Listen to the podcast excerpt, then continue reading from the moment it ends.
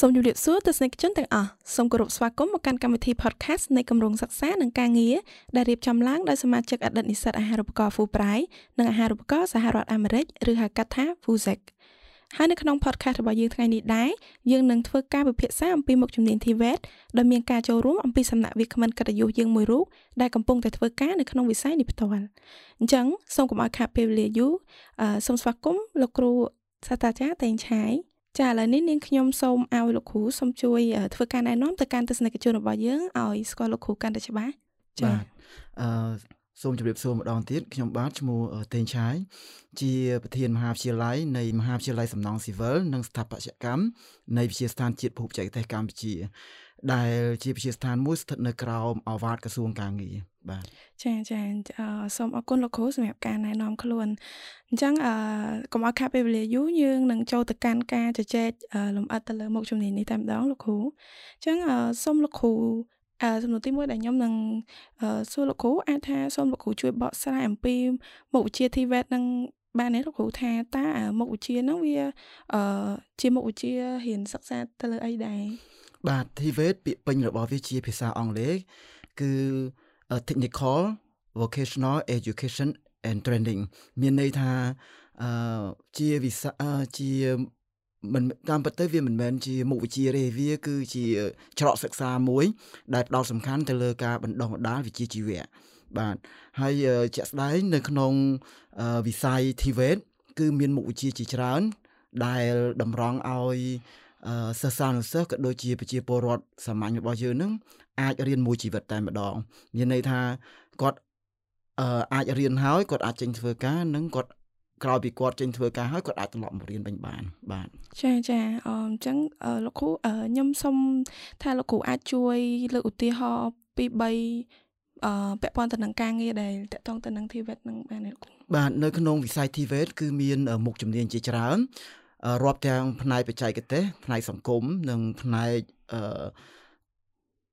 អប់រំបណ្ដុះបណ្ដាលជីវៈនៅក្នុងនោះរួមមានចាប់តាំងពីវិស័យតូចតាចទៅរួមមានតាំងពីខាងផ្នែក cosmetic ក៏មានដែរអឺហើយមានវិស័យតាក់ទងជាមួយទៅនឹងខាងផ្នែកបណ្ដុះទៅខាងផ្នែកបច្ចេកទេសរួមមានដូចជាសំណង់ស៊ីវិលដែលខ្ញុំកំពុងធ្វើការនៅក្នុងវិស័យនឹងស្រាប់មានផ្នែកអគិសនីខាងផ្នែកទូរគមនាគមន៍ មានខាងផ្នែក IT កសិកម្មក៏ជាមុខជំនាញមួយដែលកំពុងតែផ្ដោតសំខាន់ដែរបាទចាចាចាលោកគ្រូអឺអញ្ចឹងអឺមិញលោកគ្រូលើកឡើងថាវាជាច្រកផ្លូវចូលទៅការងារហ្មងអញ្ចឹងអឺពាក់ព័ន្ធជាមួយនឹងមុខមុខវិជ្ជានឹងដែរវាខុសគ្នាពីអាយើងសិក្សាទូទៅតាមសាកលនឹងបែបម៉េចលោកគ្រូបាទជាក់ស្ដែងទៅអឺ ឲ្យបើប្រសិនបើយើងនិយាយថាឲ្យខុសគ្នាដាច់គឺវាមិនខុសគ្នាដាច់ទេប៉ុន្តែដើម្បីសម្រួលដល់អ្នកសិក្សាគឺវិស័យ TVET នឹងត្រូវបានបង្កើតឡើងដើម្បីជួយសម្រួលដល់ប្រជាពលរដ្ឋយើងដែលខ្វះខាតខ្វះខាតធនធានជាក់ស្ដែងដូចជាប្រជាពលរដ្ឋយើងមួយចំនួនគាត់មិនសូវមានធនធានគ្រប់គ្រាន់នៅក្នុងការសិក្សាវែងឆ្ងាយដូច្នេះហើយគាត់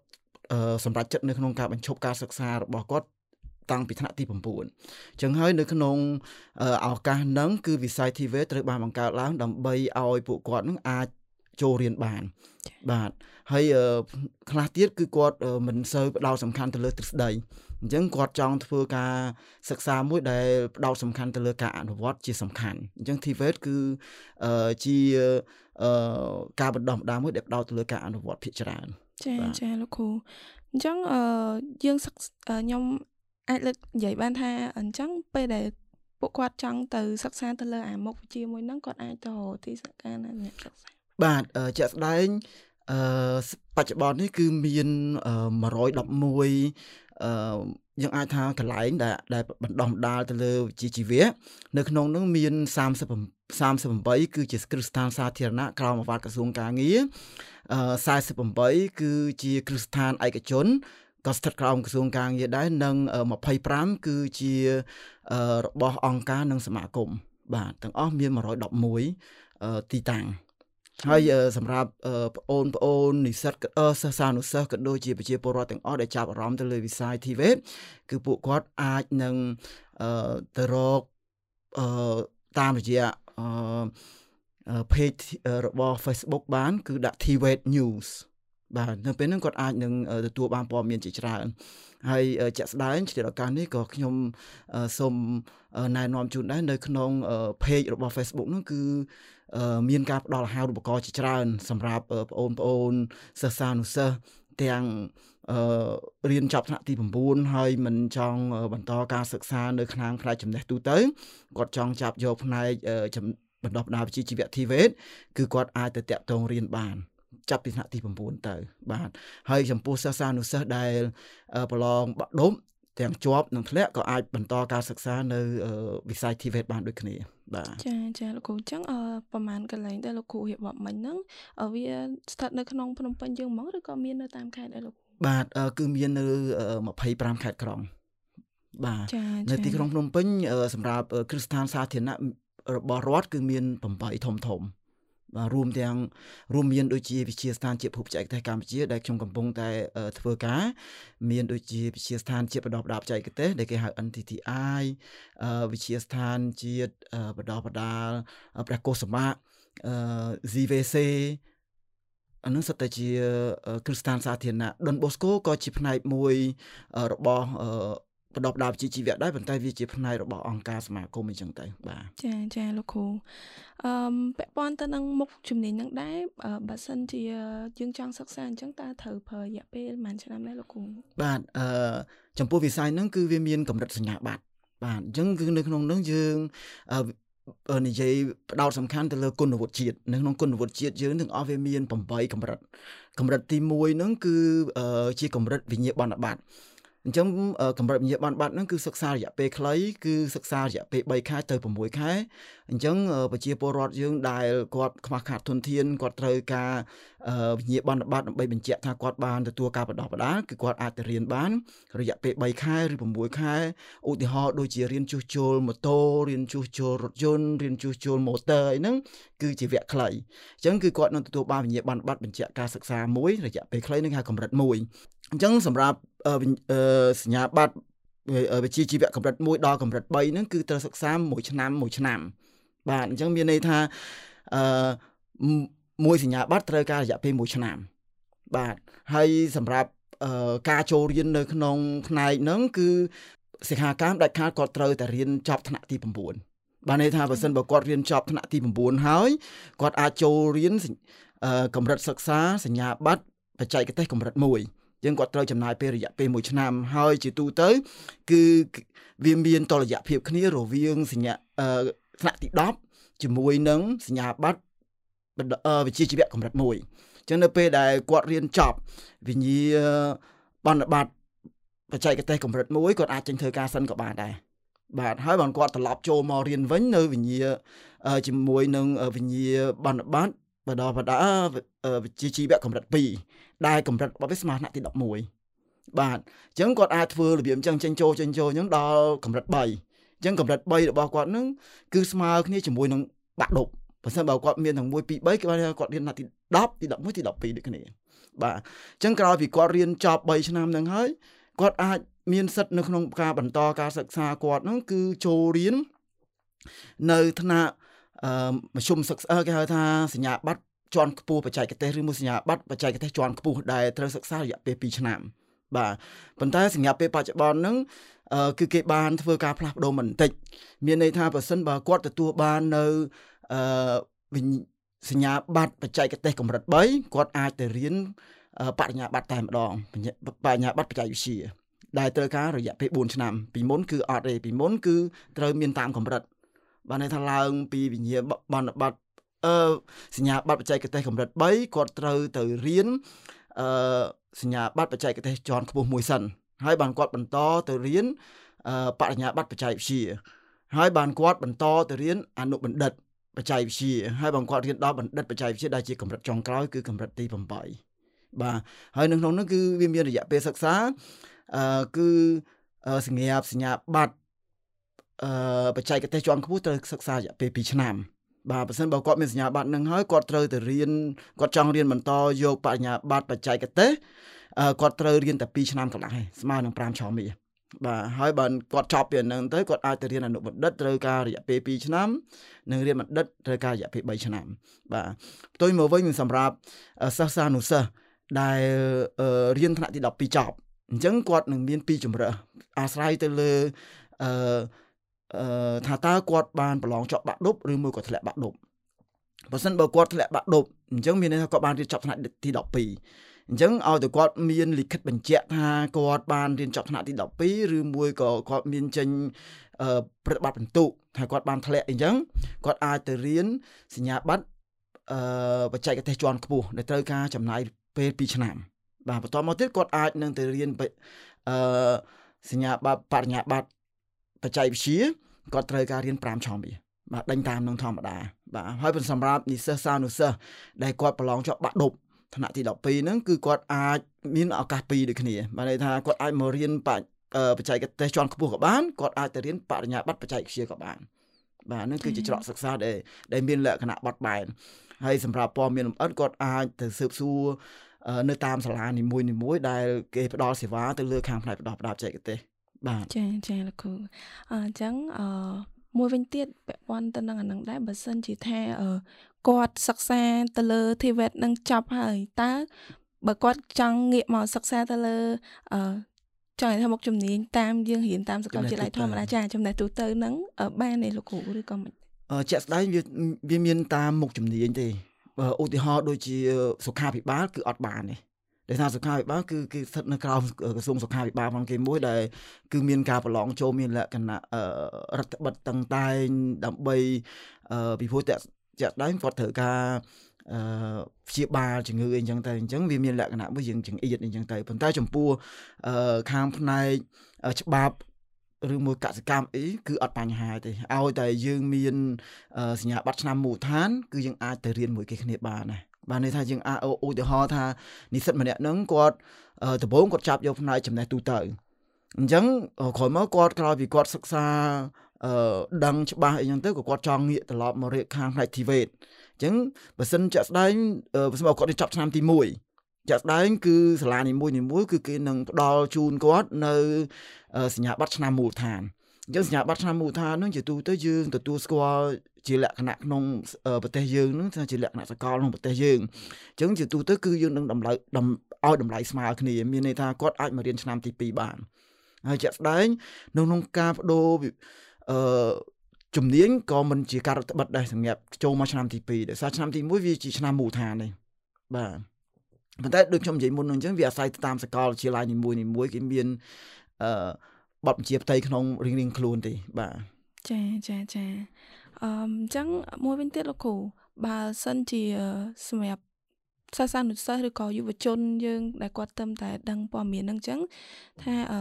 លោកគ្រូអាចបង្ហើបបន្តិចឯងបានថាតើពួកគាត់ត្រូវរៀបចំខ្លួនបែបណាដែរដើម្បីតម្រូវទៅតាមមុខវិជ្ជាហ្នឹងដើម្បីឲ្យគាត់មានភាពងាយស្រួលក្នុងការចូលទៅដល់សិក្សាមុខវិជ្ជាហ្នឹងហ្មងលោកគ្រូបាទនៅក្នុងវិស័យ TVET ដូចខ្ញុំបានជម្រាបពីមុនអញ្ចឹងវាមានមុខជំនាញច្រើន វាមានទាំងផ្នែកសង្គមមានផ្នែកទាំងសេវាកម្មមានទាំងផ្នែកបច្ចេកទេសអញ្ចឹងសំខាន់បំផុតតើគាត់មានឧបនិស្ស័យទៅលើអ្វីជាជាដំបូងឧទាហរណ៍ថាគាត់មានឧបនិស្ស័យទៅលើខាងផ្នែកបច្ចេកទេសអញ្ចឹងជាទូទៅបច្ចេកផ្នែកបច្ចេកទេសគឺត្រូវការនៅភាពអត់ធ្មត់ ភាពអត់ធន់ហើយនឹងត្រូវការនៅចំណេះដឹងខាងផ្នែកគណិតវិទ្យារូបវិទ្យាជាជាដើមប៉ុន្តែសម្រាប់ការងារខាងផ្នែកសង្គមគឺបញ្ហាតាក់ទងទៅជាមួយនឹងនិយាយរួមគឺភាពអត់ធ្មត់នឹងគឺសំខាន់ជាងគេហើយនឹងគេហៅការប្រស័យតាក់ទងអីចឹងប៉ុន្តែនៅក្នុងវិស័យ TVET អឺកម្មវិធីសិក្សាត្រូវបានផ្ដោតសំខាន់ទៅលើការផ្ដល់ឲ្យនិស្សិតទាំងអស់ដែលរៀននៅផ្នែក TVET ហ្នឹងនៅគេហៅថា soft skill ដែលខ្មែរយើងអាចហៅថាអឺ សុជីវធម៌ឬមួយក៏គេហៅម្យ៉ាងទៀតគឺអឺខ្ញុំភ្លេចជាមួយទៅខ្មែរអឺនិយាយថាសុជីវធម៌សិលធម៌អឺសិលធម៌សុជីវធម៌អញ្ចឹងចុះនៅក្នុងនោះដែរគឺតាមសាលានីមួយៗគឺគេនឹងផ្ដល់ឲ្យគាត់នៅជំនាញនៅក្នុងការទំនាក់ទំនងជំនាញនៅក្នុងការដោះស្រាយបញ្ហាលក្ខណៈបន្ថែមទៀតដើម្បីឲ្យគាត់ងាយស្រួលនៅក្នុងការចេញទៅធ្វើការងារអញ្ចឹងជាដំបូងអ្វីដែលគាត់ត្រូវមាននឹងគឺ ខ្លួនគាត់នឹងត្រូវមានភាពអត់ធ្មត់ខ្លួនឯងឲ្យបានដូចថាអឺភាសាកុំឲ្យយើងចាប់ដើមរៀនហើយយើងមិនมันអាចស៊ូទ្រាំជាមួយទៅនឹងការហត់នឿយអីហ្នឹងគឺយើងនឹងទទួលបានបរាជ័យហើយចាលោកគ្រូអឺជាក់ស្ដែងបើសិនជា ក្នុងករណីមួយទៀតថាគាត់ រៀនបានត្រឹមថ្នាក់ទី9ទេប៉ុន្តែគាត់ឈប់ប្រហែលជា2 3ឆ្នាំហើយគាត់ទៅតែលេចលឺដំណឹងវគ្គផនមុខជំនាញហ្នឹងតែគាត់អាចនៅបន្តចូលរៀនបានឬក៏មិនដែរលោកបាទជាក់ស្ដែងវិស័យ TVET គឺផ្ដល់ឱកាសឲ្យប្រជាពលរដ្ឋយើងគ្រប់មជ្ឈដ្ឋានទាំងអស់នៅក្នុងការចូលរៀនបាទគឺនៅក្នុងនោះគេមានវគ្គ formal និង informal បាទអញ្ចឹងឧទាហរណ៍ថាគាត់ឈប់រៀនយូរហើយប៉ុន្តែអញ្ចឹងគាត់ដាច់ខាតត្រូវតែធ្វើលិខិតបញ្ជាក់មួយថាគាត់បានរៀនចប់ថ្នាក់ទី9បាទអញ្ចឹងអឺជាក់ស្ដែងនៅតាមមជ្ឈមណ្ឌលបណ្ដោះបណ្ដាលជីវៈនៅតាមបណ្ដាខេត្តក្រុងនោះគឺតែងតែមានអឺគ្រូឬមួយក៏បុគ្គលិកមន្ត្រីរាជការយើងហ្នឹងគេចោះទៅធ្វើការផ្សព្វផ្សាយតាក់ទងជាមួយទៅនឹងឱកាសនៃការបដោះបដា បាទអញ្ចឹងបើសិនបើគាត់ បានស្ដាប់ឮនៅឱកាសអស់ហ្នឹងហើយគាត់គួរតែគាត់គួរតែទទួលយកឲ្យបានលឿនបាទដើម្បីឲ្យគាត់អាចនឹងទទួលបាននូវចំណេះដឹងដែលធ្វើឲ្យគេហៅថាកម្រិតនៃជីវភាពរបស់គាត់មានការផ្លាស់ប្ដូរជាក់ស្ដែងកម្រិតជីវភាពរបស់យើងអឺវាមានការផ្លាស់ប្ដូរជាមួយទៅនឹងចំណេះដឹងដែលយើងមានបាទឧទាហរណ៍ថាមនុស្សម្នាក់ដែលគាត់អត់មានជំនាញអ្វីទាំងអស់អញ្ចឹងនៅពេលដែលគាត់ចេញទៅធ្វើការគាត់គឺប្រើកម្លាំងសុទ្ធតែម្ដងបាទ អញ្ចឹងនៅពេលដែលគាត់ចាប់ដើមមានអឺសញ្ញាបត្រដែលទទួលបានការបណ្ដុំផ្ដល់ទៅលើជំនាញគឺគាត់ចាប់ដើមមានជំនាញហើយទោះជំនាញគឺវាមានកម្រិតផងវាដូចខ្ញុំបានបញ្ជាក់ពីមុនអញ្ចឹងកម្រិតទី1ទី2ទី3ទី4អញ្ចឹងទៅអញ្ចឹងនៅពេលដែលគាត់ចាប់ដើមមានកម្រិតបន្តិចហ្នឹងអញ្ចឹងកម្រៃនៃឈ្នួលពលកម្មរបស់គាត់គឺវាឡើងលើសនឹងបន្តិចហើយបាទអញ្ចឹងនៅពេលដែលគាត់ចាប់ដើមយល់អំពីសារៈសំខាន់នៃ ចំណេះដឹងដែលគាត់ទទួលបានហ្នឹងគឺគាត់នឹងសប្បាយចិត្តនឹងទទួលយកវាហើយបាទហើយបើសិននៅពេលហ្នឹងគឺកម្រិតជីវភាពគាត់នឹងមានការផ្លាស់ប្ដូរទៅតាមហ្នឹងដែរបាទចាចាលោកគ្រូអញ្ចឹងភ្ជាប់ទៅនឹងសំណួរនឹងតិចថាមានត្រូវកំណត់អាយុក្នុងការចូលរៀនទេឬក៏មិនដែរលោកគ្រូអឺជាក់ស្ដែងនៅក្នុង TVET គឺអត់មានបញ្ហាអត់ដែលមានកម្រិតទៅលើអាយុទេកម្រិតតែបញ្ហាកម្រិតទៀបជាង minimum តែគេអត់បានកម្រិតនៅអាយុ maximum ទេ បាទអញ្ចឹងយើងមានអាយុប៉ុន្មានក៏ក៏ក៏អាចរៀនបានដែរអឺជាក់ស្ដែងដូចជាខាងអង្គការមួយនៅខាងនៅខាងស្ទឹងមានជ័យតាមពិតគាត់ក៏ជាផ្នែកមួយនៃ TVET ដែរតែខ្ញុំអត់បានដឹងថាគាត់ពិតជានៅក្នុងអត់ទេគឺមានតាំងពីមនុស្សចាស់ក៏គាត់ឲ្យរៀនដែរបើន័យថាការសិក្សាគឺរៀនមួយជីវិតតែម្ដងគេហៅ long life learning បាទអញ្ចឹងអត់បញ្ហាសំខាន់ខ្លួនគាត់ អឺព្រមទទួលយកអត់កុំឲ្យថាគាត់គាត់មានអាយុច្រើនហើយគាត់ទៅរៀនជាមួយនឹងក្មេងៗគាត់មានការខ្មាស់អៀនអាហ្នឹងគឺខ្លួនគាត់ទេប៉ុន្តែការសិក្សាអត់បានកម្រិតអាយុទេចាចាព្រោះជាទូទៅខ្ញុំសួរកន្លែងហ្នឹងដោយសារតែយើងសិក្សាទៅលើអឺអាចនិយាយថាយើងសិក្សាទៅលើមុខជំនាញផ្សេងផ្សេងធម្មតាហ្នឹងគឺគេកំណត់អាយុនៃការរៀនអញ្ចឹងគ្រូអញ្ចឹងគាត់តែបញ្ជាក់កន្លែងហ្នឹងដើម្បីឲ្យបងប្អូនយើងគាត់ដឹងកាន់តែច្បាស់អញ្ចឹង ជាប់ទៅនឹងសំណួរមួយទៀតដែរថាការសិក្សាទៅលើមុខវិជ្ជា TVET ហ្នឹងត្រូវការចំណាយថវិកាច្រើនទេលោកគ្រូអឺជាក់ស្ដែងបើសិនបើយើងសិក្សានៅតាមមជ្ឈមណ្ឌលនៅតាមបណ្ដាខេត្តឧទាហរណ៍ថាបុគ្គលម្នាក់ហ្នឹងគាត់នៅខេត្តកចេះអញ្ចឹងទៅអញ្ចឹងបើសិនបើគាត់ទៅរៀននៅក្នុងមជ្ឈមណ្ឌលនៅខេត្តកចេះគឺគាត់អត់ធ្វើការចំណាយលុយទេដោយសារតែវានៅក្នុងតំបន់ផងគាត់ បាទប៉ុន្តែបើសិនបើគាត់ចាប់អារម្មណ៍មករៀននៅផ្លាស់ប្ដូរទីកន្លែងអាហ្នឹងគាត់ត្រូវការចំណាយតាក់ទងនឹងការស្នាក់នៅតាក់ទងនឹងការហូបចុកអីចឹងទៅចំពោះកម្រៃនៃសារសិក្សាគឺមិនជាថ្លៃប្រហែលទេបាទហើយជាក់ស្ដែងក៏ពេលខ្លះរដ្ឋាភិបាលក៏បានផ្ដល់បានបញ្ចេញនៅកញ្ចប់ថវិកានៅក្នុងការទ្រទ្រង់ទៅលើវិស័យនឹងដែរពីព្រោះថាសេដ្ឋកិច្ចរបស់ប្រទេសក៏វាអាស្រ័យទៅនឹងអឺចំណេះដឹងរបស់ប្រជាជនយើងដែរបាទ ជាក់ស្ដែងរដ្ឋាភិបាលក៏បានបញ្ចេញកញ្ចប់លុយជាច្រើនសម្រាប់ឆ្នាំ2 3ឆ្នាំមុននោះតាក់ទងជាមួយទៅនឹងអឺការលើកកម្ពស់នៅជំនាញរបស់កម្មករនយោជិកមួយចំនួននៅតាមបណ្ដាក្រុមហ៊ុននៅខាងសាលាខ្ញុំក៏ទទួលបាននៅកញ្ចប់ថវិកានឹងដែរនៅក្នុងការវឹកហាត់ដល់កម្មករនៅតាមបណ្ដាក្រុមហ៊ុនដើម្បី upgrade skill គាត់មកកម្រិតទៀតបាទអញ្ចឹងពេលខ្លះគឺគាត់មករៀនហើយគាត់ថែមទាំងបានលុយទៀត ប៉ុន្តែគាត់ថាវាមិនច្រើនអីទេគាត់ថាគាត់អាចនឹងបានកញ្ចប់លុយមួយចំនួននៅក្នុងការអឺហូបចុកអីចឹងទៅធ្វើដំណើរបាទចាចាលោកគ្រូអឺកលែកមកសំណួរមួយទៀតដែរខ្ញុំចង់សួរថាតើការសិក្សាទៅលើ TVET ហ្នឹងគឺសិក្សាម៉ោងសិក្សាគឺធម្មតាដូចយើងសិក្សាធម្មតាទេឬក៏មិនដែរលោកគ្រូ បាទអឺជាក់ស្ដែងនៅក្នុងវិស័យ TVET ហ្នឹងគឺវាមានលក្ខណៈបត់បែនបន្តិចវាអាស្រ័យទៅនឹងសិក្ខាកាមបាទដូចខ្ញុំនិយាយមុនអញ្ចឹងបើសិនបើសម្រាប់អឺសិស្សនិស្សិតជាទូទៅ គឺគេមានតែពីអឺពេលខ្លះមាន13វេនមានន័យថាយើងអាចមានវេនធម្មតាច័ន្ទសុក្រព្រឹកល្ងាចអញ្ចឹងទៅអាចមានវេនយប់ហើយនិងវេនសៅរ៍អាទិត្យបាទអញ្ចឹងគឺមានលក្ខណៈបត់បែន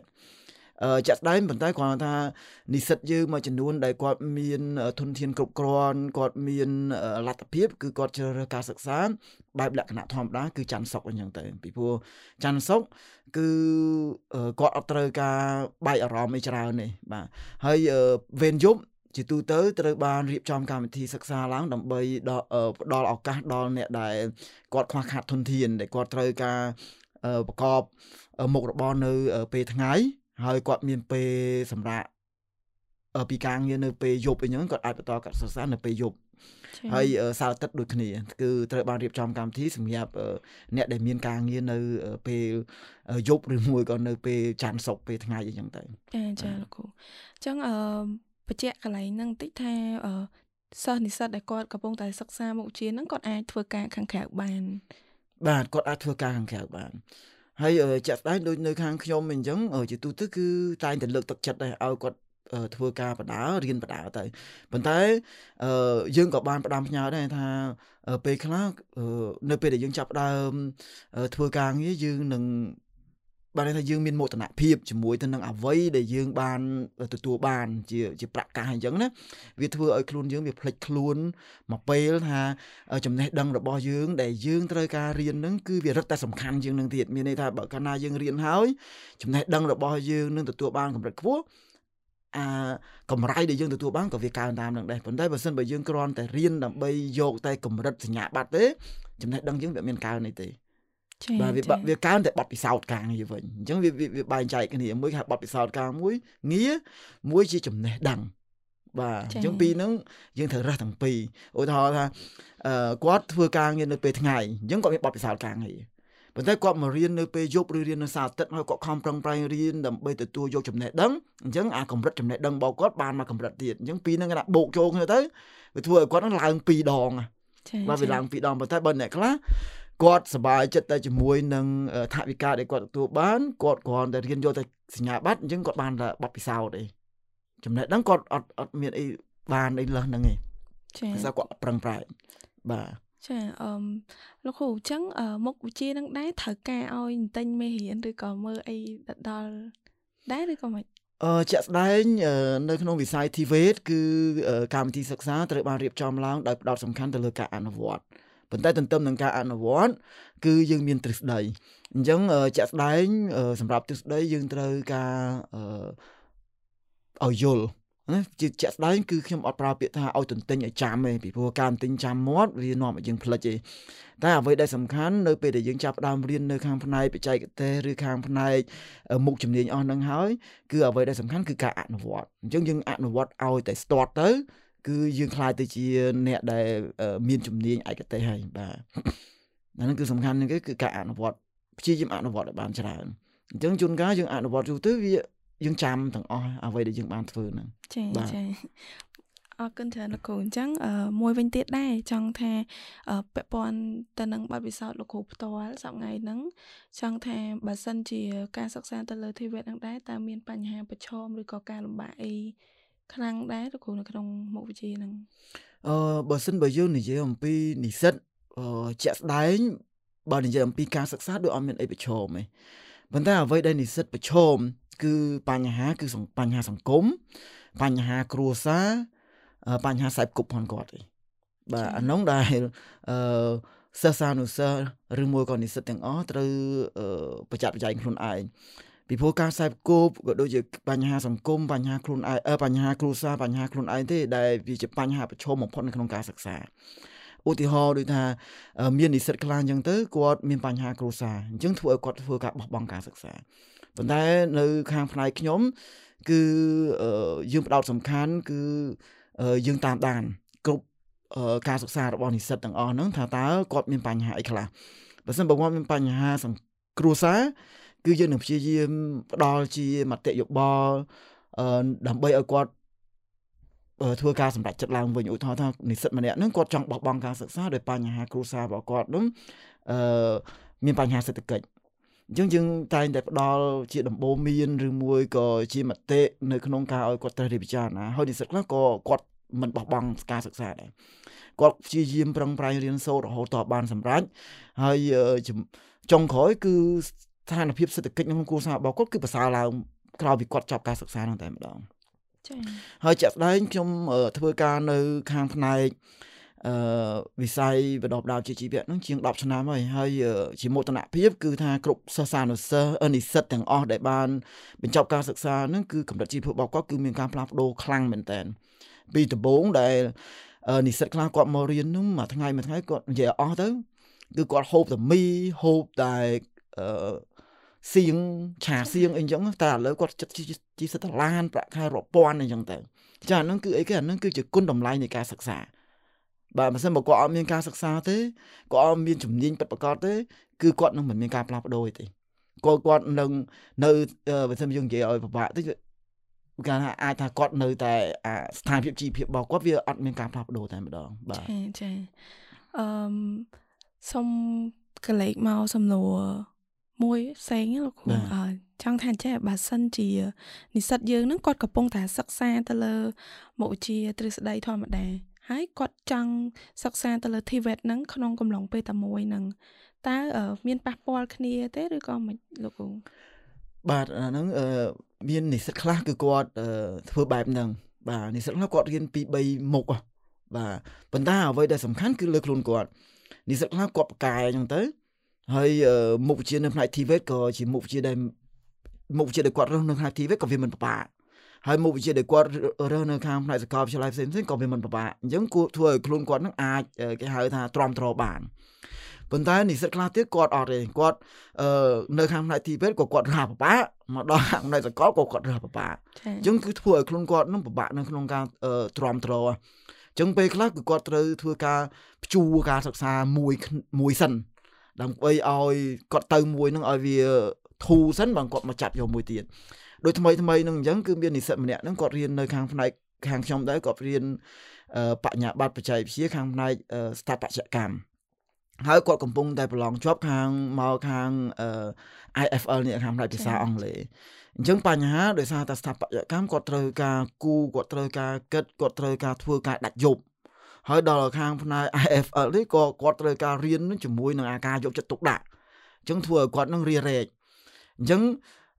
អឺវិធីសាស្ត្រគឺគ្រាន់តែគាត់គ្រាន់តែពួកយើងបានផ្ដល់ផ្ដល់ជាដំបូងមានឲ្យគាត់ថាគាត់មិនអាចរៀននៅក្នុងពេលតែមួយបានគាត់ត្រូវអាចទៅរៀនយប់អីចឹងទៅហើយដោយសារសាលាខ្ញុំមុខជំនាញស្ថាបត្យកម្មគាត់មានតែពេលព្រឹកហើយវេនថ្ងៃអញ្ចឹងអាចឲ្យគាត់នឹងទៅខាង IFL ដើម្បីដូរទៅយប់ពីព្រោះជាក់ស្ដែង មាននិស្សិតខ្លះគេបានធ្វើជោគជ័យអស់ហើយយើងគាត់ផ្ដល់ជាគំនិតយោបល់ទេហើយគាត់យកទៅធ្វើខ្លួនឯងបាទចាចាលោកគ្រូអញ្ចឹងភ្ជាប់សំណួរនឹងដដែលថាលោកគ្រូសូមលោកគ្រូជួយលើកពី3ចំណុចពាក់ព័ន្ធទៅនឹងគុណសម្បត្តិហើយនិងគុណវិបត្តិអារវាងការចាប់យកពីរក្នុងពេលតែមួយហ្នឹងលោកគ្រូបាទអឺជាក់ស្ដែងគុណសម្បត្តិគឺមានតែចំពោះអ្នកចំពោះនិស្សិតដែលពូកែ ប៉ុន្តែបើសិនបើនិស្សិតដែលគាត់មានសមត្ថភាពមិនគ្រប់គ្រាន់ទេហើយគាត់គ្រាន់នៅមើលតាមគ្នាហើយគាត់ចង់ធ្វើដូចគេដែរប្រហែលជាពិបាកហើយពិបាករហូតដល់ថ្នាក់ខ្លាចសាលាក៏មានដែរចា៎បាទបើសិនអូថាថាគាត់កំពុងតែរៀននៅតាមធម្មតានៅតាមសាកលវិទ្យាល័យណាក៏ដូចសាកលវិទ្យាល័យណាដែរគឺគេតែងតែមាន homework assignment ឲ្យធ្វើអញ្ចឹងបើសិនបើយើង miss តែម្ដងពីរដងគឺខ្លួនយើងនឹងខ្លាចហើយ ហើយនៅខាងបណ្ដុះបណ្ដាលជាជីវៈក៏ដូចគ្នាដែរគឺក្រៅអំពីអនុវត្តផ្ទាល់ហ្នឹងក៏មាន assignment មាន homework ដូចគ្នាហើយគឺគេព្យាយាមដាក់ហ្នឹងដើម្បីអី homework និង assignment គឺសំខាន់ណាស់ពួកយើងរៀននៅក្នុងសាលានៅក្នុងថ្នាក់រៀនគឺមិនគ្រប់គ្រាន់ទេវាត្រូវការឲ្យយើងនឹងយកទៅអនុវត្តផ្ទាល់ដោយខ្លួនឯងអញ្ចឹងដើម្បីឲ្យនិស្សិតមានគុណភាពនៃការបណ្ដុះបណ្ដាលនោះដាច់ខាតត្រូវតែធ្វើ homework ត្រូវធ្វើ assignment នោះឲ្យបានច្រើនអញ្ចឹងបើសិនបើបើបើនិស្សិតម្នាក់នឹងគាត់មានសមត្ថភាពច្រើនគឺគាត់នឹងទទួលបានច្រើនតែម្ដង មានន័យថាអឺដូចយើងដឹងស្រាប់ហើយថាអឺភាសា គឺវាដើរតួនាទីសំខាន់ក្នុងការតំណាក់តំណងអអញ្ចឹងបើសិនបើនិស្សិតម្នាក់គាត់មានតែចំណេះដឹងខាងផ្នែកបច្ចេកទេសឬខាងផ្នែកផ្នែកសេវាកម្មធម្មតាហ្នឹងគឺគាត់មិនអាចទំនាក់ទំនងជាមួយនឹងជនបរទេសបានទេអញ្ចឹងអាឱកាសរបស់គាត់ក៏វាតិចទៅតាមហ្នឹងដែរ អញ្ចឹងអាការដែលរៀនពីសាកលវិទ្យាល័យគឺគាត់គួរតែរៀនមួយគឺខាងផ្នែកបច្ចេកទេសឬខាងផ្នែកសេវាកម្មឬខាងផ្នែកកសិកម្មអីហ្នឹងទៅចំណេះដឹងមួយទៀតគឺគួរតែរៀនផ្នែកភាសាអង់គ្លេសគាត់មិនគួរណាឧទាហរណ៍ថាគាត់រៀនខាងផ្នែកអឺមិនមុខជាមួយខាងផ្នែកច្បាប់អីចឹងទៅហើយមុខជាមួយទៅគាត់ទៅរៀនខាងផ្នែកអឺ កសកម្មអីចឹងទៅវាដូចយើងដាច់គ្នាពេកអញ្ចឹងណាបាទអញ្ចឹងគាត់គួរតែជ្រើសរើសថាអឺមុខវិជ្ជាពីរហ្នឹងឲ្យវាគេហៅថាជួយគ្នា support គ្នាទៅវិញទៅមកបាទកុំឲ្យជ្រើសរើសមុខវិជ្ជាពីរដែលវាឆ្ងាយពីគ្នាពេកដែលខ្លួនគាត់ពិបាកអីអាហ្នឹងគឺគុណវិបត្តិឲ្យគាត់ទទួលបានចឹងដើម្បីឲ្យគាត់ទទួលបានពីការគុណអឺគុណសម្បត្តិពីការជ្រើរៀនពីមុខក្នុងពេលតែមួយហ្នឹងគឺគាត់ត្រូវជ្រើសរើសមុខវិជ្ជាពីរដែលវា support គ្នាទៅវិញទៅមកដូចខ្ញុំនិយាយមុនហ្នឹងអញ្ចឹង គាត់អាចរៀនជំនាញបច្ចេកទេសមួយទៅដែលគាត់ត្រូវប្រើប្រាស់វាហើយនឹងភាសាអង់គ្លេសឬមួយក៏ភាសាបរទេសមិនមិនចាំបាច់តែភាសាអង់គ្លេសទេឲ្យតែភាសាបរទេសណាមួយក៏បានដែរចាចាលោកគ្រូអឺអញ្ចឹងសំណួរបន្ទាប់ហ្នឹងគឺចង់សួរថាពាក់ព័ន្ធជាមួយនឹងវិស័យការងារបច្ចុប្បន្នជាមួយនឹងមុខវិជ្ជា TVET ហ្នឹងតើមានលក្ខណៈអឺចង់និយាយថាទលំទលាយឬក៏មិនដែរលោកគ្រូ បាទជាក់ស្ដែងដោយសារតែនិយាយរួមទៅយើងអត់ទាន់ស្គាល់ TVET ដូចខ្ញុំនិយាយមុនអញ្ចឹង TVET គឺវាជាវិស័យមួយសម្រាប់បដោះបដោជាជីវៈតាមពិត TVET វាមានយូរហើយតែគ្រាន់តែថាគេអត់សូវប្រើពាក្យហ្នឹងបាទដូចខ្ញុំប្រាប់ពីមុនហ្នឹងអញ្ចឹងមានន័យថាតាំងពីខាងផ្នែក cosmetic ក៏វាជា TVET ខាងផ្នែកកាត់ដេរហ្នឹងក៏វាជា TVET ដែរមានន័យថាគេបដោះបដោឲ្យយើងមានជំនាញបាទអញ្ចឹងជាក់ដៃឧទាហរណ៍ថាស្ត្រីមេផ្ទះម្នាក់ហ្នឹងខ្ញុំលើកទៅស្ត្រីមេផ្ទះម្នាក់អញ្ចឹងទៅគាត់ អឺគាត់ថានៅផ្ទះរាល់ថ្ងៃគាត់មិនដឹងធ្វើអីអញ្ចឹងគាត់អាចទៅរៀនកាត់ដេរយើងអាចទៅរៀនកាត់ដេរអញ្ចឹងទៅចេញមកវិញគាត់បើកតែគោលអាជីវកម្មមួយនៅផ្ទះក៏ធ្វើឲ្យគ្រួសារគាត់គាត់មានជីវភាពផ្លាស់ប្ដូរដែរគាត់អាចទៅរៀនធ្វើម្ហូបអាហ្នឹងក៏ជា TVET ដែរបាទហ្នឹងគឺកម្រិតទាបហើយបាទវាចេញពីកម្រិតទាបកម្រិតអឺចេញពីកម្រិតទាបទៅហើយខ្ញុំលើកយកផ្នែកកម្រិតខ្ពស់មកនិយាយវិញម្ដងកម្រិតខ្ពស់ជាក់ស្ដែងអឺ ដោយសារតែជំនាញ TVET វាផ្ដោតសំខាន់ទៅលើការអនុវត្តអញ្ចឹងទេគឺมันខ្វះការងារធ្វើទេបាទបច្ចុប្បន្នគឺសិស្សនិស្សិតចេញទៅនឹងគឺការងារគឺរាប់មិនអស់ឲ្យតែគាត់ព្រមធ្វើនិយាយនិយាយជារួមមានន័យថាការងារមិនខ្វះវាខ្វះថាតើយើងមានសមត្ថភាពធ្វើវាអត់បាទហើយយើងព្រមធ្វើវាអត់ជាមួយនឹងកម្រៃដែលគេប្រគល់ឲ្យយើងអ្នកខ្លះអ្នកខ្លះគាត់បានរៀន អឺចេះហើយគាត់បកែនៅក្នុងការប្រកបអាជីវកម្មហ្នឹងគាត់ធ្វើការឲ្យគេគាត់អាចប្រកបអាជីវកម្មដោយខ្លួនឯងបើជាក្រុមការងារឬមួយក៏បើជាក្រុមហ៊ុនឬមួយក៏ជាអាជីវកម្មខ្នាតតូចណាមួយក៏បានដែរបាទអញ្ចឹងអត់ខ្វះនិយាយរួមឲ្យតែមានជំនាញគឺมันខ្វះការងារធ្វើចាចា អឺមួយវិញទៀតលោកគ្រូលោកគ្រូមិញលើកឡើងថាមានកម្រិតទាបហើយកម្រិតខ្ពស់អញ្ចឹងសិក្ខាកាមដែលគាត់ទៅចង់សិក្សាទៅលើមុខមុខវិជ្ជាហ្នឹងហ្នឹងតែគាត់ត្រូវរើសខ្លួនឯងឬក៏ខាងសាលាគេអ្នកតេស្តមើលឲ្យយើងដែរអឺជាក់ស្ដែងគឺបើសិនបើនិយាយមែនតើទៅនៅក្នុងគេហៅអឺការងារការងារបើយើងនិយាយពីកម្រិតការងារវា យើងបែងចែកវាចេញជាប៉ារ៉ាបូលមានន័យកម្រិតទាបហ្នឹងគឺវាច្រើនណាស់ហើយកម្រិតខ្ពស់ហ្នឹងគឺវាតិចឯខាងផ្នែកគ្រប់គ្រងគឺវាទូចមែនតើអញ្ចឹងតែប្រជាជនយើងភាគច្រើន គឺគាត់ចាប់យកតែអ្វីដែលខ្ពស់ទេគាត់អត់ចង់បានទាបប្រមាណទេអឺតែគ្រាន់តែខ្ញុំចង់ប្រាប់ថាអឺយើងអាចរៀនតាំងពីតូចទៅឧទាហរណ៍ថាកម្រិតជីវភាពយើងអឺពិបាកអញ្ចឹងណាអញ្ចឹងយើងមិនគួរណាទៅរៀនរយៈពេលយូរទេ យើងគួរតែរៀនរយៈពេលខ្លីសិនហើយយើងចេញទៅធ្វើការជាមួយនឹងជំនាញដែលយើងបានរៀនសិនទៅយើងនឹងទទួលបាននូវប្រាក់កម្រៃដែលយើងអាចយកមកបន្តការសិក្សាបានបាទដើម្បីបំពេញក្តីបំណងរបស់យើងអញ្ចឹងមិនមានន័យថាក្តីបំណងរបស់មនុស្សម្នាក់ៗតែមានក្តីបំណងប៉ុន្តែក្តីបំណងរបស់មនុស្សម្នាក់ៗមិនអាចសម្រេចនៅក្នុងពេលដូចគ្នាបានទេឧទាហរណ៍ថា អឺមនុស្សពីរនាក់ម្នាក់ហ្នឹងគាត់មានលទ្ធភាពគ្រប់គ្រាន់នៅក្នុងការរៀនអញ្ចឹងអឺក្តីបំណងរបស់គាត់គាត់ចង់រៀនបណ្ឌិតអីចឹងទៅអញ្ចឹងគាត់អាចចាប់ដើមបាក់ដប់ព្រាមគាត់អាចទៅរៀនបញ្ញាបត្រដេញទៅទៅលឿនអញ្ចឹងណាប៉ុន្តែម្នាក់ទៀតគឺលទ្ធភាពគាត់គាត់អត់សូវមានអញ្ចឹងគាត់មិនអាចទៅរៀនបញ្ញាបត្រនឹងបានទេដោយសារតែបញ្ញាបត្រវាចំណាយពេលយូរហើយចំណាយធនធានច្រើនអញ្ចឹងណាអញ្ចឹងគាត់គួរចាប់ដើមចេញពីបញ្ញាបត្ររងឬមួយក៏វិជ្ជាជីវៈសិនទៅ ហើយគាត់ចាប់ដើមរៀនបណ្ដាធ្វើការបដាអញ្ចឹងក្តីបំណងរបស់គាត់ចុងក្រោយគឺបានដូចគ្នាតែគ្រាន់តែរយៈពេលវាយូរបន្តិចអញ្ចឹងបាទចាចាអញ្ចឹងកុំកុំឲ្យតែយើងឃើញគេទៅទីខ្ពស់បានលឿនយើងចង់ទៅតាមគេជួនកាលទៅអត់បានទេចាលោកគ្រូអឺចឹងចង់ចង់ថាទីផ្សារការងារវា មានលក្ខណៈទលំទលាយដូចគ្នាអញ្ចឹងបើធៀបជាមួយនឹងការសិក្សាសាកលវិទ្យាល័យធម្មតាហើយនឹងសិក្សាមុខ វិជ្ជាហ្នឹងពេលដែលចាប់ទៅអាចនិយាយបានថាប្រាក់ចំណូលរកបានធៀបគ្នាបានទេលោកគ្រូឬក៏អឺជាក់ស្ដែងប្រាក់កម្រៃវាអាស្រ័យទៅនឹងចំណេះដឹងជាមួយទៅនឹងសមត្ថភាពដែលយើងមាននេះអឺខ្ញុំអត់និយាយថារៀននៅសាកលវិទ្យាល័យបានទៀបជាងឬរៀននៅខាងធីវេតបានទៀបជាងឬមួយអត់មួយណាទៀបជាងគឺមិនទេគឺសំខាន់បំផុតទៅលើសមត្ថភាពរបស់យើង ដែលយើងអាចនឹងធ្វើការឲ្យគេឧទាហរណ៍ថាឥឡូវយើងទៅធ្វើការឲ្យក្រុមហ៊ុនមួយ ចឹងបើសិនបើយើងមានសមត្ថភាពនៅក្នុងការរកប្រាក់ឲ្យក្រុមហ៊ុននឹងចំណេញបានច្រើនគឺគេនឹងផ្ដល់ឲ្យយើងបានច្រើនប៉ុន្តែបើសិនបើយើងមានតែសញ្ញាបត្រប៉ុន្តែសមត្ថភាពរបស់យើងគឺអត់មានទេ គឺគេនឹងមិនឲ្យយើងទេដូចគ្នាផងដែរបើសិនបើយើងចង់ទៅប្រកបអាជីវកម្មខ្លួនឯងក៏ដូចគ្នាដែរអញ្ចឹងយើងមានសួរតែសមត្ថភាពរបស់យើងក្នុងការប្រកបអាជីវកម្មនោះរបៀបម៉េចបើសិនបើយើងមានតែធនធាន ប៉ុន្តែសមត្ថភាពនៃការគ្រប់គ្រងយើងអត់មានអញ្ចឹងវានឹងធ្វើឲ្យអាប្រាក់ចំណេញក៏អត់មានដែរអញ្ចឹងសំខាន់បំផុតនៅលើសមត្ថភាពរបស់មនុស្សម្នាក់ម្នាក់អញ្ចឹងបញ្ហាតាក់ទងជាមួយនឹងការជ្រើសរើសច្រកសិក្សាហ្នឹងគឺវាមិនជាសំខាន់ប្រហែលទេចា៎បាទឲ្យតែយើងមានសមត្ថភាពចាចាលោកគ្រូប៉ុន្តែទន្ទឹមនឹងសមត្ថភាពហ្នឹងគឺអ្វីដែលគេផ្ដោតសំខាន់មួយទៀតហ្នឹងគឺផ្នែកដូចខ្ញុំនិយាយមុនហ្នឹងគេហៅថាអឺសិលធម៌វិជ្ជាជីវៈ ការគ្រប់គ្រងការដោះស្រាយបញ្ហាអឺការទំនាក់ទំនងអីនោះក៏សំខាន់ដែរបាទចាអឺមួយវិញទៀតដែរលោកគ្រូបើសិនជាគាត់សិក្សាទៅលើមុខវិជ្ជាហ្នឹងតើគាត់អាចអឺ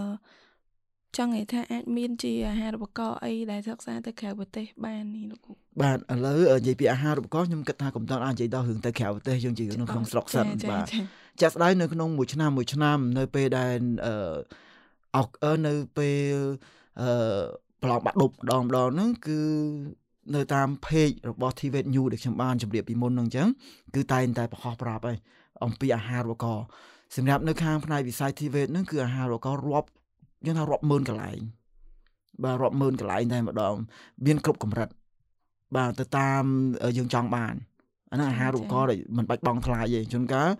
ពេលខ្លះគេឲ្យទាំងអាហារូបករណ៍ទៅលើការស្នាក់នៅទៀតក៏មានដែរវាទៅតាមពេលវេលាហើយសម្រាប់ទៅក្រៅប្រទេសអាហារូបករណ៍ទៅក្រៅប្រទេសគឺអត់បញ្ហាទេទី1គឺនិស្សិតគាត់អាចទទួលអាហារូបករណ៍បានមកពីសាលាទី2បានមកពីខ្លួនឯង ដែលតំណាក់តំណងតាមរយៈអ៊ីនធឺណិតតាមរយៈអ៊ីមែលអីទៅគឺគាត់ទទួលបានជាក់ស្ដែងនៅខាងសាលាខ្ញុំហ្នឹងគឺមួយឆ្នាំឆ្នាំគឺតែតែមាននិស្សិតទទួលបានអាហារូបករណ៍ហើយចា៎បាទអាហារូបករណ៍ដែលគាត់ទទួលបានហ្នឹងគឺអាចតាមរយៈមហាវិទ្យាល័យអាចតាមបានតាមរយៈវិទ្យាស្ថាន បានតាមរយៈខ្លួនឯងបាទហើយអឺចំពោះអាហារូបករណ៍ដែលគាត់ទទួលពាក្យពាក្យថាអាហារូបករណ៍មិនមែនមានន័យថាត្រូវតែបាន100%ទេ ពេលខ្លះទៅក៏គេឲ្យតែអាហារូបករណ៍ទៅលើការហូបចុកអសំទោសទៅឲ្យទៅលើអាហារូបករណ៍ទៅលើការសិក្សាប៉ុន្តែជួនកាលអត់បាន full ទៀតបានតែ50%អីចឹងទៅជួនកាលទៅគេឲ្យ full ទាំងអស់តែម្ដងទាំងការសិក្សាទាំងថ្លៃហូបចុកទាំងការស្នាក់នៅអញ្ចឹងអាហារូបករណ៍វាមានច្រើនបាទចាអឺចឹងពាក់ព័ន្ធជាមួយនឹងអាហារូបករណ៍ហ្នឹងមានត្រូវប្រឡងចូលឬក៏មិនដែរលោកគ្រូអឺចាក់ស្ដែងអាហារូបករណ៍ បើសិនបើតាមវិជាស្ថាន គឺត្រូវការជ្រើសរើសអ្នកដែលមានសមត្ថភាពអញ្ចឹងយើងត្រូវការប្រឡងជ្រើសរើសមកវគ្គសិននៅក្នុងផ្ទៃក្នុង បានបន្ទាប់មកទៀតគឺយើងបញ្ជូន CV ចំពោះអឺបេក្ខជនដែលយើងបានជ្រើសរើសយកទៅឲ្យគេជ្រើសរើសបន្តទៀតបាទប៉ុន្តែជាជាក់ស្ដែងវាទៅតាមចំនួននិស្សិតដែល apply ឯង ឧទាហរណ៍ថាឥឡូវយើងមានព័ត៌មានអាហារូបករណ៍មួយទៅលើជំនាញណាមួយអញ្ចឹងយើងចាប់ដើមផ្សព្វផ្សាយហើយអញ្ចឹងនិស្សិតខ្លះក៏គាត់ចាប់អារម្មណ៍និស្សិតខ្លះក៏គាត់ចាប់អារម្មណ៍ដែរគាត់ចាប់អារម្មណ៍ដោយសារតែគាត់ចង់បំពេញក្តីសម័យរបស់គាត់អឺចង់បានគេហៅកម្រិតចំណេះដឹងមកពីបរទេសអញ្ចឹងទៅហើយនិស្សិតខ្លះទៀតគឺក្តីអឺសម័យរបស់គាត់គឺគាត់គ្រាន់តែចង់បានចំណេះដឹងមួយដើម្បីទៅប្រកបអាជីវកម្មដើម្បីឲ្យបានប្រាក់កម្រៃអីនោះគឺគាត់ចប់ហើយនឹងក្តីសម័យរបស់គាត់ អញ្ចឹងយើងក៏មិនដិតមើលទៅលើចំនួននិស្សិតដែលអឺដែលដាក់ពាក្យនឹងសិនតើមានចំនួនច្រើនឬចំនួនតិចបើសិនបើមានចំនួនតិចទេគឺយើងបញ្ជូនឈ្មោះទាំងអស់ហ្នឹងទៅឲ្យខាងបរទេសជាអ្នកជ្រើសរើសបន្តតែម្ដងពីព្រោះយើងអត់ចាំបាច់ជ្រើសរើសទៀតទេដោយសារវាតិចស្រាប់ចាចាអញ្ចឹងលោកគ្រូអឺបើសិនជាពួកគាត់បញ្ចប់ការសិក្សាទៅលើមុខវិជ្ជា TVET ហ្នឹងហើយគាត់ចង់ទៅសិក្សានៅក្រៅប្រទេសតើគេទទួលស្គាល់អាសញ្ញាបត្រដែលគាត់បញ្ចប់ហ្នឹង អឺជាក់ស្ដែងអឺវាវាអាស្រ័យទៅលើ MOU ដែរជាងការសកលវិទ្យាល័យខ្លះគេបានធ្វើ MOU ជាមួយនឹងយើងទៅគឺទៅគេទទួលស្គាល់បាទជាក់ស្ដែងនិស្សិតដែលបញ្ចប់ការសិក្សានៅខាងសាលាខ្ញុំនោះគឺជាង10ឆ្នាំហើយគឺយើងមាននិស្សិតដែលចប់ការសិក្សាពីបរទេសមកនោះរាប់រយនាក់អញ្ចឹងអត់មានបញ្ហាតាក់ទងជាមួយនឹងកម្រិតសញ្ញាបត្របាទចាចាចា ចឹងមួយវិញទៀតបើប្រសិនបើគាត់បញ្ចប់មុខវិជ្ជានឹងហើយលោកគ្រូអាចជួយបង្ហើបបន្តិចថាតើចន្លោះប្រាក់ខែរបស់គាត់នឹងអាចពីធុងប៉ុណ្ណាទៅដល់ប៉ុណ្ណាដែរលោកគ្រូបាទអឺសម្រាប់ពេលបច្ចុប្បន្នខ្ញុំអត់និយាយពីមុនទេពីព្រោះតាមធម្មតាសម្រាប់ពេលបច្ចុប្បន្នខ្ញុំគិតថាអឺប្រាក់ខែដែលអាចឲ្យគាត់ទទួលយកបាន ដើម្បីធ្វើដើម្បីឲ្យឲ្យគាត់រស់បាន នៅក្នុងភាពថ្លៃថ្នូរមួយ ខ្ញុំគិតថាតិចបំផុតក៏300ដែរសម្រាប់អ្នកដែលទើបតែចប់ការសិក្សាអាហ្នឹងគឺ minimum ហើយហើយ3ខែក្រោយហ្នឹងគឺគួរទៅឡើងដល់350ហើយហើយអឺប្រាក់ខែហ្នឹងគឺនៅពេលដែលខាងបណ្ដាក្រុមហ៊ុនគេមកទំនាក់ទំនងនៅក្នុងការរកអឺបុគ្គលិកអញ្ចឹងគឺខ្ញុំតែងតែណែនាំអញ្ចឹងគឺថាអត់អាចឲ្យទៀបជាងនឹងបានទេចា៎ប្រាក់ខែបាទហ្នឹងត្រូវមានការបញ្ជាក់ពីសាលាទៅឲ្យខាងកន្លែងការងារដែរឬមិនលោក អឺចាត់ដែរយើងមាន MOU ជាមួយនឹងគេអញ្ចឹងទៅជួនកាលគឺគេមករើសដល់សាលាតែម្ដងក៏មានដែរខាងក្រុមហ៊ុនគេមករើសដល់សាលាចា៎ចា៎ប៉ុន្តែចាត់ដែរតាមធម្មតាប្រាក់ខែដែលគាត់ទទួលដំបូងអញ្ចឹងគឺគេធ្វើតេស្តសមត្ថភាពហើយឧទាហរណ៍ថា3ខែបើសិនបើគាត់មានសមត្ថភាពគឺគេនឹងឡើងឲ្យគាត់បើអត់ក៏គេនឹងមិនទទួលយកគាត់បន្តទៀតដែរបាទ ចឹងអឺបញ្ជាក់មិញគ្រូថាគេមករើសដល់សាលាអញ្ចឹងសាលាអាចមានច្រកណែនាំផ្លូវរកការងារឲ្យសិស្សបានអញ្ចឹងបាទជាក់ស្ដែងអឺអឺពេលបច្ចុប្បន្នគឺអឺសម្រាប់ខាងខ្ញុំតែម្ដង គឺក្រុមហ៊ុនគេមកតំណតំណងរតែម្ដងចា៎បាទហើយប៉ុន្តែគ្រាន់ថាចំនួនដែលយើងបដោះបដាននិងចំនួនដែលគេមករនៅសាលាវាអត់បាឡែនគ្នាទេជួនកាលទៅពេលខ្លះ ក៏អ្នកមករនោះវាច្រើនជាងចំនួនដែលយើងបដោះបដាលពេលខ្លះក៏ចំនួនបដោះបដាលយើងច្រើនជាងគេមករដែរប៉ុន្តែសម្រាប់ពេលបច្ចុប្បន្ននេះជាទូទៅបើសិនឧទាហរណ៍ថាយើងមានពេលបញ្ចប់ការសិក្សាគេមានខែមួយដែលត្រូវបញ្ចប់ការសិក្សាអញ្ចឹងអំឡុងពេលដែលយើងបញ្ចប់ការសិក្សាដល់3ខែក្រោយអញ្ចឹងនិស្សិតមាននៅមានច្រើនដែលអត់ទាន់មានការងារធ្វើចា៎ប៉ុន្តែពីក្រោយពី3ខែនឹងទៅដល់6ខែគឺពិបាកបន្តិចហើយមានន័យថានិស្សិតគេចាប់ដើមមានការងារធ្វើចង់អស់ហើយ អាចតែផុតតែពី6ខែទៅហ្នឹងគឺក្រុមហ៊ុនគេមកហ្នឹងគឺយើងអត់អាចរកមនុស្សឲ្យគេបានទេចាចាពីព្រោះនិស្សិតខ្លះគឺគាត់មានការងារធ្វើតាំងពីពេលនៅរៀនទៅហើយហ្នឹងចាបាទហ្នឹងហើយលោកគ្រូអឺចឹងអឺខ្ញុំដូចជាអស់សំណួរដែរលោកគ្រូបានបកស្រាយឡើងក្បោះក្បាយអញ្ចឹងអឺជាចុងក្រោយលោកគ្រូអាចមានជាការណែនាំអីទៅបងប្អូនយុវជនយើងឬក៏សិស្សានុសិស្សអីបន្ថែមឲ្យពួកគាត់ចាប់អារម្មណ៍ទៅលើមុខវិជ្ជាមួយនឹងលោកគ្រូ បាទអឺឆ្លៀតឱកាសនេះខ្ញុំក៏សូមណែនាំដែរតកតងជាមួយទៅនឹងវិស័យ TVN ជាទូទៅនៅថ្ងៃទី15ខែមិថុនារៀងរាល់ឆ្នាំហ្នឹងគឺគេមានទិវាមួយគឺទិវា TVN Day អញ្ចឹងបើសិនបើបងប្អូនអឺប្រជាពលរដ្ឋយើងក៏ដូចជាសិស្សានុសិស្សឬមួយនិស្សិតដែលចង់ចាប់អារម្មណ៍អីហ្នឹងគឺអាចទៅចូលរួមនៅក្នុងថ្ងៃ15មិថុនារៀងរាល់ឆ្នាំ គឺគេនឹងមានជាពិព័រណ៍មួយ ហើយនៅក្នុងពិព័រណ៍នោះដែរគឺអឺបងប្អូនឬមួយបងប្អូនទាំងអស់អាចសាកសួរព័ត៌មានបន្ថែមខ្លួនឯងបាទហើយសម្រាប់អឺអឺឆ្លៀតឱកាសនេះក៏ខ្ញុំសូមបញ្ជាក់ប្រាប់ថានៅក្នុងក្រសួងការងារហ្នឹងគេប្រើពាក្យមួយគេប្រើពាក្យថាអឺ TVET ជំនាញប៉ិតបាទហើយគេប្រើពាក្យមួយទៀតគេថាអឺមានជំនាញគឺមានប្រាក់ចំណូលបាទអញ្ចឹងចង់ខ្លាចជាអ្នកមានត្រូវមានជំនាញតែខ្ញុំជូនជូនតែប្រហែលឃ្លានឹងទេខ្ញុំគិតថាពីអស់ហ្នឹងគឺបងប្អូនឬមួយក៏សិស្សសាស្ត្រអាចយល់បានដែរចាចាអរគុណច្រើនអញ្ចឹងអឺ ភ្ជាប់កន្លែងមិញតិចគ្រូថា15មិថុនាអញ្ចឹងយើងប្រារព្ធជារៀងរាល់ឆ្នាំនៅទីតាំងនៅកន្លែងណាដែរអឺរាល់ឆ្នាំច្រើនធ្វើនៅកោះពេជ្រប៉ុន្តែវាអាចមានការប្រែប្រួលអញ្ចឹងទេអាចថានៅដើមខែមិថុនាអីហ្នឹងអញ្ចឹងគឺគេនឹងមានការផ្សព្វផ្សាយនៅតាម Facebook page អីចឹងទៅឬមួយក៏អឺនៅពេលដែលបងប្អូនធ្វើដំណើរកាត់តាមមហាវិថីសហព័ន្ធរុស្ស៊ីដែលមានក្រសួងការងារនេះគេនឹងអាចបិទ banner មួយគេដាក់ថា TVET Day បាទចាចាអឺសញ្ញា2ឆ្នាំ2020 2021ដែលកូវីដហ្នឹងគឺគេធ្វើតាមអនឡាញគឺអត់មានការអឺផ្ទាល់ទេប៉ុន្តែមុនហ្នឹងគឺគេធ្វើផ្ទាល់បាទមានការតាំងពិព័រណ៍អីចឹងទៅហើយមានការចូលរួមពីអឺគ្រឹះស្ថានបណ្ដុះបណ្ដាលបច្ចេកទេសជាច្រើនបាទចាចឹងសូមអរគុណលោកគ្រូសម្រាប់ការបកស្រាយយ៉ាងក្បោះក្បាយអញ្ចឹងអឺ ដោយសារតែពេលវេលាយើងមានកំណត់ខ្ញុំសូមអរគុណទៅដល់លោកគ្រូសាស្ត្រាចារ្យតេងឆាយក្នុងការបកស្រាយទៅដល់ប្រធានបទយើងថ្ងៃនេះមានការក្បោះក្បាយមែនតើអញ្ចឹងសូមអរគុណទៅដល់ទស្សនិកជនទាំងអស់ដែលបានចូលរួមស្ដាប់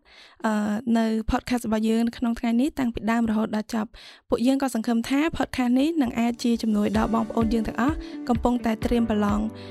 ប្រឡងប្រឡងសញ្ញាបត្រទុតិយភូមិឲ្យបានដឹងនិងកាន់តែច្បាស់និងសម្រេចចិត្តឲ្យបានត្រឹមត្រូវចំពោះការរើសមុខជំនាញ